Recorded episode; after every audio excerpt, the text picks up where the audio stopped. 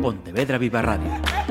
Cara a cara. Damas y caballeros, la Asociación de Directores de Informativos de Radio y Televisión da la bienvenida a José Abel López Varela.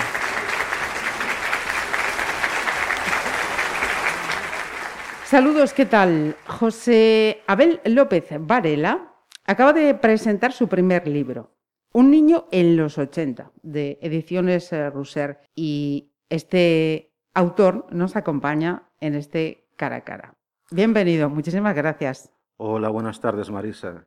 Encantado de estar aquí con todos vosotros. Tengo que decir además que ha venido acompañado de su pareja, Sandra, que la tenemos de oyente en el estudio y también le, damos la bienvenida desde aquí. Mira, José, ¿eres eh, técnico en telecomunicaciones? Sí, pues soy técnico en telecomunicaciones, actualmente en paro. ¿Resides en Redondela? Sí, actualmente resido en Redondela. Y, por ascendencia, Pontevedrés. Por ascendencia, Pontevedrés, eh, Lames y, bueno, Murente, Pontevedra viene siendo prácticamente lo mismo, sí.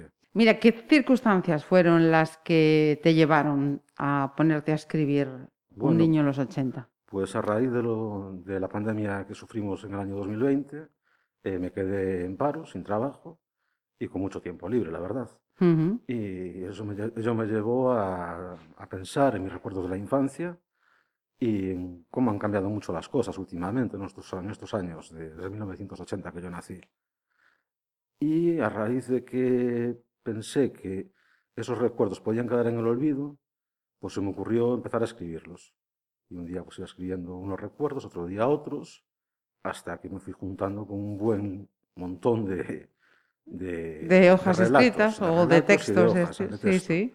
Y llegado un momento, pues me planteé hacer un libro, pero un libro no para publicar, simplemente pues para tener yo mi recuerdo y hacer unas, unas copias para la familia más cercana, mi madre, mi suegra y para nosotros, nada más.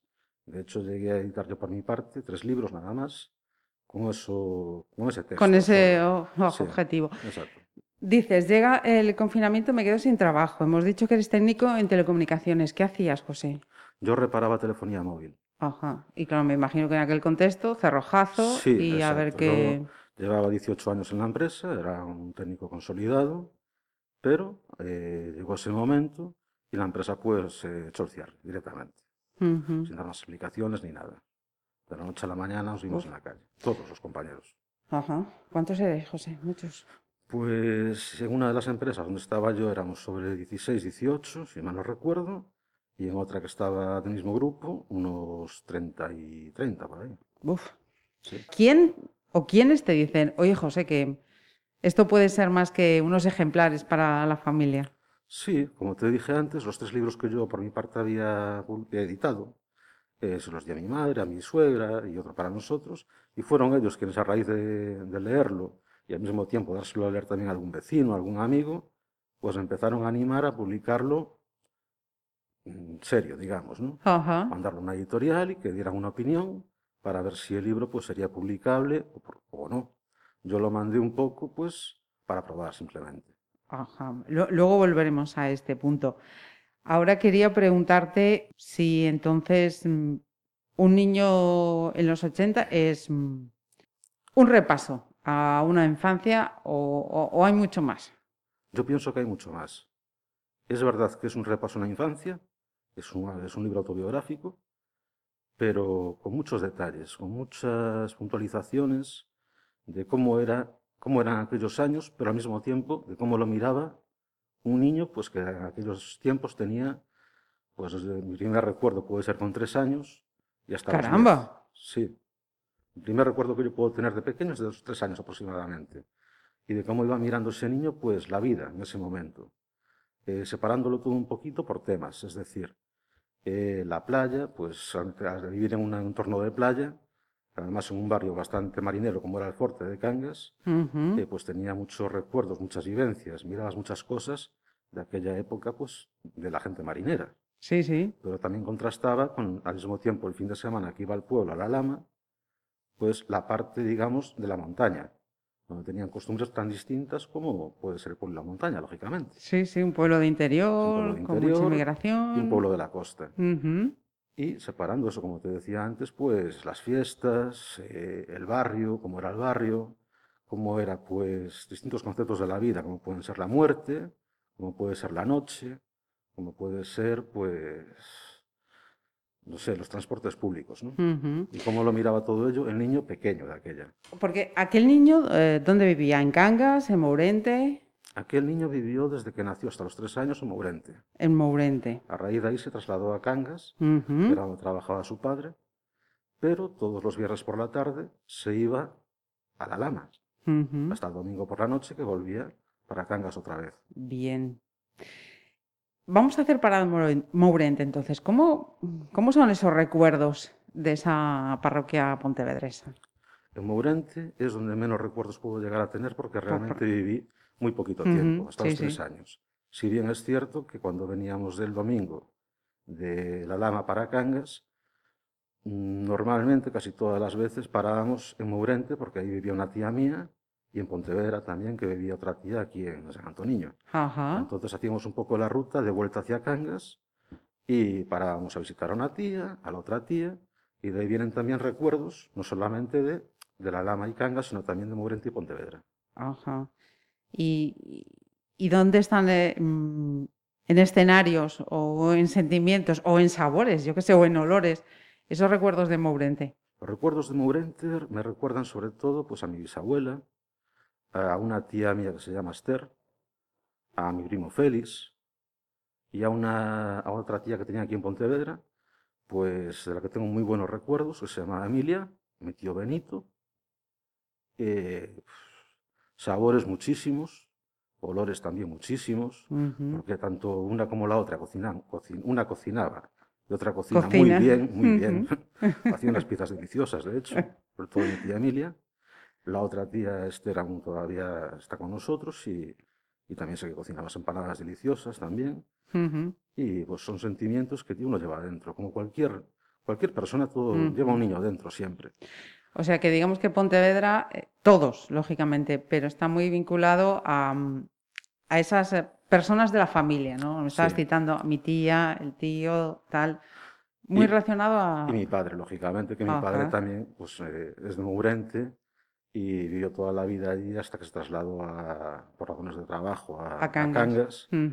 Y bueno, pues toda su vida también estuvo entre Mourente y Pontevedra y un poco también por él, yo también estuve siempre un poco entre esos dos pueblos. Mm. Antes de irnos a la costa, ¿y de Alama? ¿Cómo era aquel municipio tan chiquitito, de la pues, montaña? La Lama para mí es mi pueblo, es un pueblo de montaña que para mí es el mejor del mundo. O sea, ahí viví mis experiencias más tiernas de pequeño, con mis abuelos, Eusebio Varela, y de la que tengo recuerdos, pues de lo más maravilloso que pueda tener. De ellos, del entorno, de un niño pequeño que vivía allí con ellos, que hacía la vida con ellos allí, que miraba cómo trabajaban día a día, de una forma incansable, y cómo mis padres los, ayudaban a, todo lo que era relacionado con el campo, plantar las patatas, recoger el maíz, eh, la vendimia, eh, hacer el vino, uh las manzanas, yo qué sé, todo, ¿no? Tenían animales también, tenían ovejas, gallinas, conejos, y todo eso, quieras que no, pues un niño eh, es importante.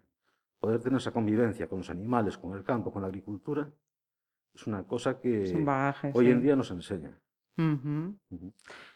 Esas personas que rodean esa infancia en Alama eh, son personas adultas mayores. Eh, ¿Recuerdas también otros niños que como tú pues andaban? Porque me imagino que era todo puertas abiertas de aquella. Sí, por supuesto. De aquella nos echaba la llave en la puerta, como quien dice, ¿no? Pero ni tú, ni los vecinos, ni nadie. O sea, los vecinos estaban allí como...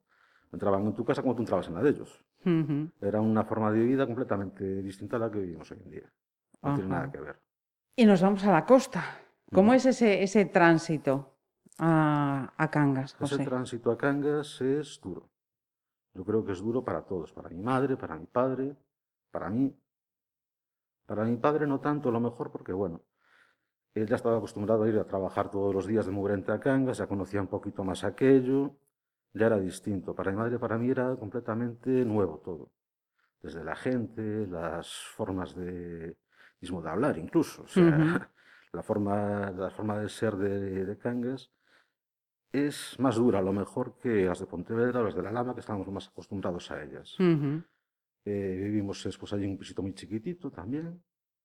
Bueno, también tengo que decir que si estabas en el barrio de Oforte, las vistas eran privilegiadas, ¿eh? Las vistas eran privilegiadas, entre comillas. ¿Sí? Entre comillas. Te digo por qué.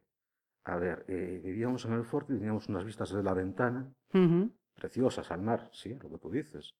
Pero, por ejemplo, en la parte de adelante, en aquellos años, sí. estaba una fábrica de conservas abandonada y nuestra ventana daba al techo de esa fábrica que no tenía techo. Ajá. Y ahí, pues todos los días iban los drogaditos a pincharse. Te iba a decir, estamos en el Cangas de los 80, donde, lógicamente, estamos en un contexto marinero, eh, un municipio vinculado al, al mar inexorablemente, pero también en un momento temporal muy jodido. Muy fastidiado, sí.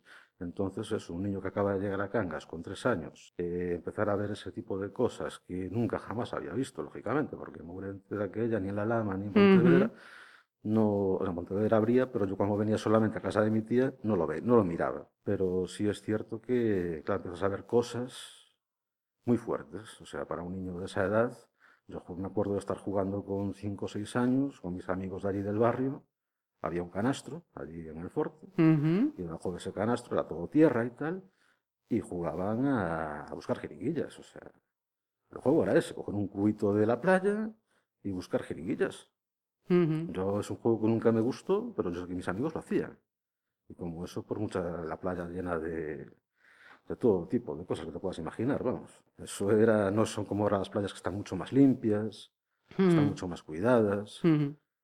Bueno, que incluso el propio barrio también ha dado un cambio tremendo. También, también ha dado un cambio muy fuerte.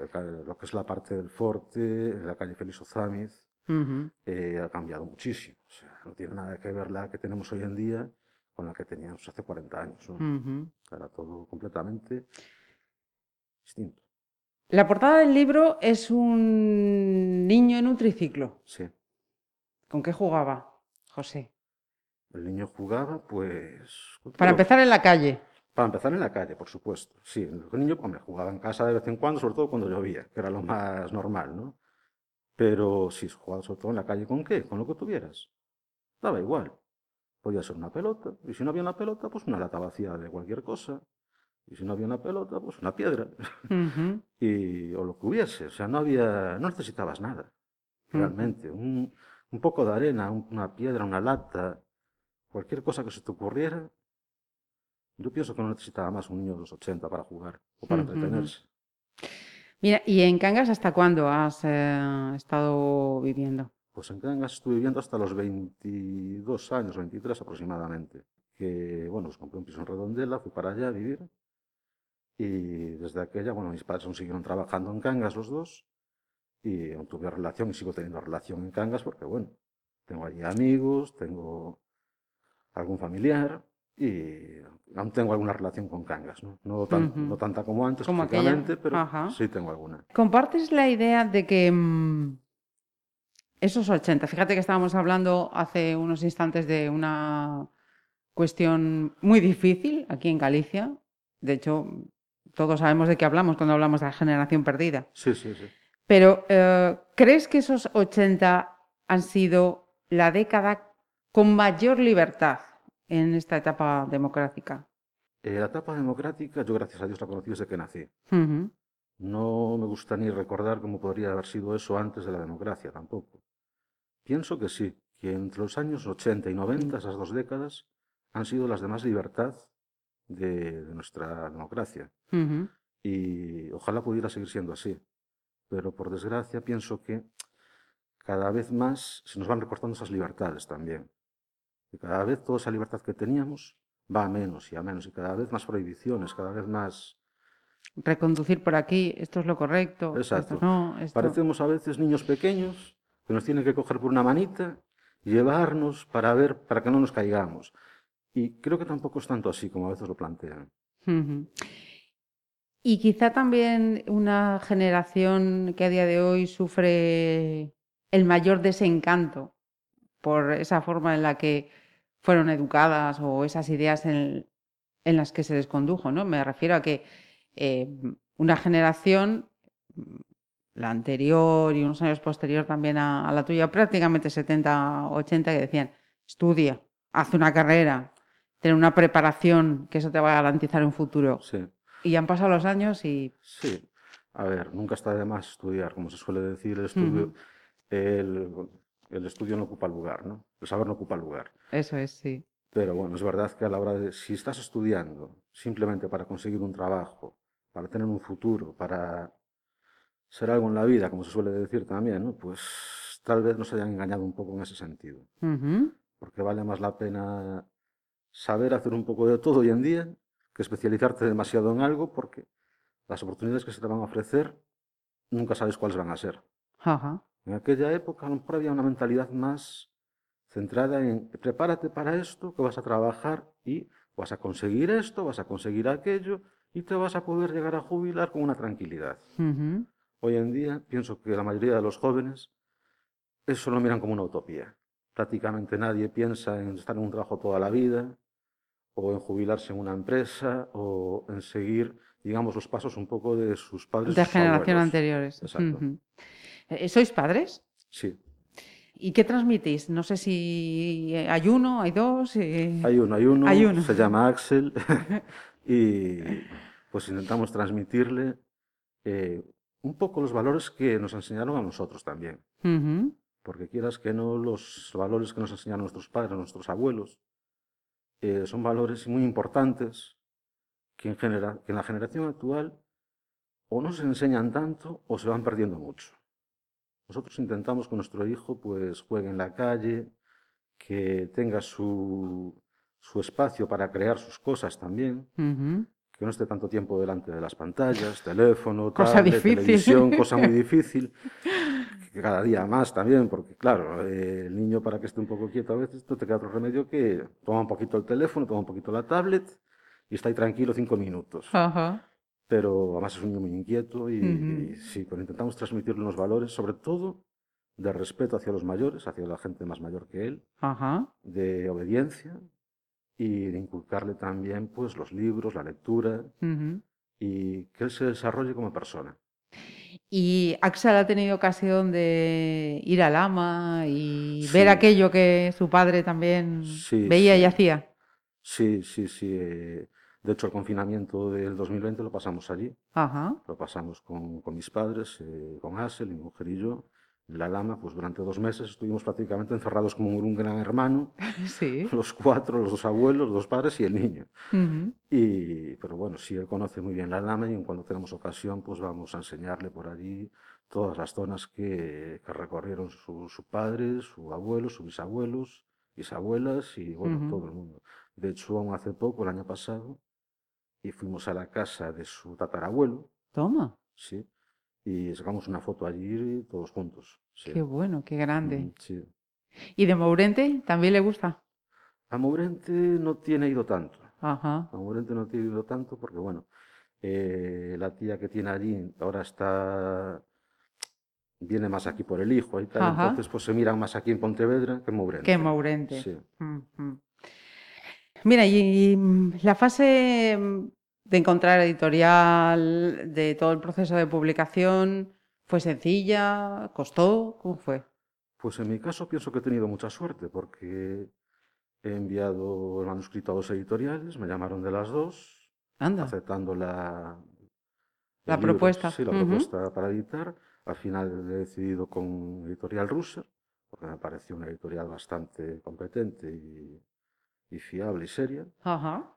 Y bueno, pues al final, bueno, no, no puedo decir que me haya costado, la verdad. Cosa que mm. gente que está más en el mundillo de la literatura y todo, me tiene dicho que eso, que tuve mucha suerte. Sí, tuve mucha suerte porque normalmente que no suelen editar así libros de autores nobles, no reconocidos.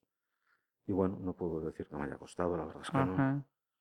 ¿La presentación qué tal? ¿Cómo fue esa presentación al público? La presentación, yo pienso, que fue un éxito. La verdad es que nunca he hecho otra, no te puedo comparar con otra. Bueno, tengo que decir así, a ver, me voy a chivar un poco. Ha dicho José que más gente de la que esperábamos. No sé pues si es que tenéis el listón. Bueno, venga, a ver qué. La verdad es que sí, tuvimos mucha gente, más de la que esperábamos. De hecho, había puestas, no sé cuántas sillas eran, a lo mejor 20 o 25 sillas, y tuvimos que sacar sillas más, más sillas por dos veces. Toma. Así que fue más gente de la que contábamos con ella. Y bien, a pesar de los nervios que uno tiene en una presentación como esa, pues pienso que fue bastante bien la cosa. Hombre, sin duda. Se vendieron bastantes libros y pues no tengo queja ninguna. La gente muy bien, la Fundación Cuña Casas Bellas, que, que fue donde la presenté, eh, con el apoyo de Miguel y Román, pues muy bien también. Es la atención perfecta, más, eh, nos atendieron en todo, en todo momento, así que no, no puedo tener ninguna palabra más que agradecimiento hacia ellos. Si hemos despertado la curiosidad de los que están escuchando, ¿dónde pueden comprar este libro, Un niño en los 80? Mira, el libro eh, ahora mismo se encuentra en la editorial de ediciones Russer, aquí en Pontevedra, se encuentra en la librería Avenida de Eduardo Pondal, en Cronopios, la librería Cronopios y la librería Paz. También lo puedes adquirir en, en cualquier librería de España, encargándolo con un plazo de entrega de 24 horas en los canales online más, conocidos como Amazon, El Corte Inglés, FNAC, Carrefour o Casa del Libro. Además, está desde, desde hoy mismo en versión digital en Amazon. Y también se puede comprar eh, en el mercado latinoamericano en países como Argentina, Uruguay, Colombia o México. Y en las páginas web de librerías reconocidas allí como Boutique del Libro, Mercado Libre, Gandhi o Librería de la U, entre otras. Toma, o sea, lo tienes bien, bien distribuido. Sí, sí, está distribuido, está bastante bien. Ahora hace falta que luego... Sí, ahora falta que, que la gente se anime a... A, seguir comprando. A conocer a ese niño en los 80. Perfecto, mira, ¿y te ha enganchado el gusanillo de escribir? Un poco sí, de hecho empecé un segundo libro, ahora cosa de un par de meses, escribí el primer capítulo, pero lo dejé ahí un poco parado porque reposando. sí, reposando, reposando porque a veces es como los pasteles, ¿no? que tienes que dejarlo un poquito que a que enfríe, que repose, que leve y después darle el segundo horneado. Ajá, bien. Y laboralmente eh, ha habido novedades, José, o sigues eh, focalizándote en el, en el tema escritura. No, a ver, yo estoy abierto a cualquier tipo de, tema laboral, es decir, como hice el otro día una entrevista también de trabajo y me, están, me llamaron también del Ayuntamiento de Redondela, que estoy pendiente ahí si, si me cogen o no, todavía no sé nada. Pero bueno, yo no estoy abierto a cualquier tipo de relación laboral también, no me cierro nunca nada. Pues tenemos a un escritor que acaba de presentar su libro y a un técnico en telecomunicaciones que si tenéis a bien también, va a atender las, llamadas. Pues eh, José, os agradezco a ti y a Sandra que os hayáis eh, acercado hasta aquí a charlar este ratito y que haya mucha suerte. Muchísimas gracias, Marisa. Pontevedra Viva Radio. ¿Me permiten que les haga un comentario como espectadores del programa Cara a Cara? Según un reciente sondeo de mercado, ustedes disponen de estudios e inteligencias superiores a la media. Sus intereses abarcan desde la actualidad mundial y la ciencia hasta el deporte y los espectáculos.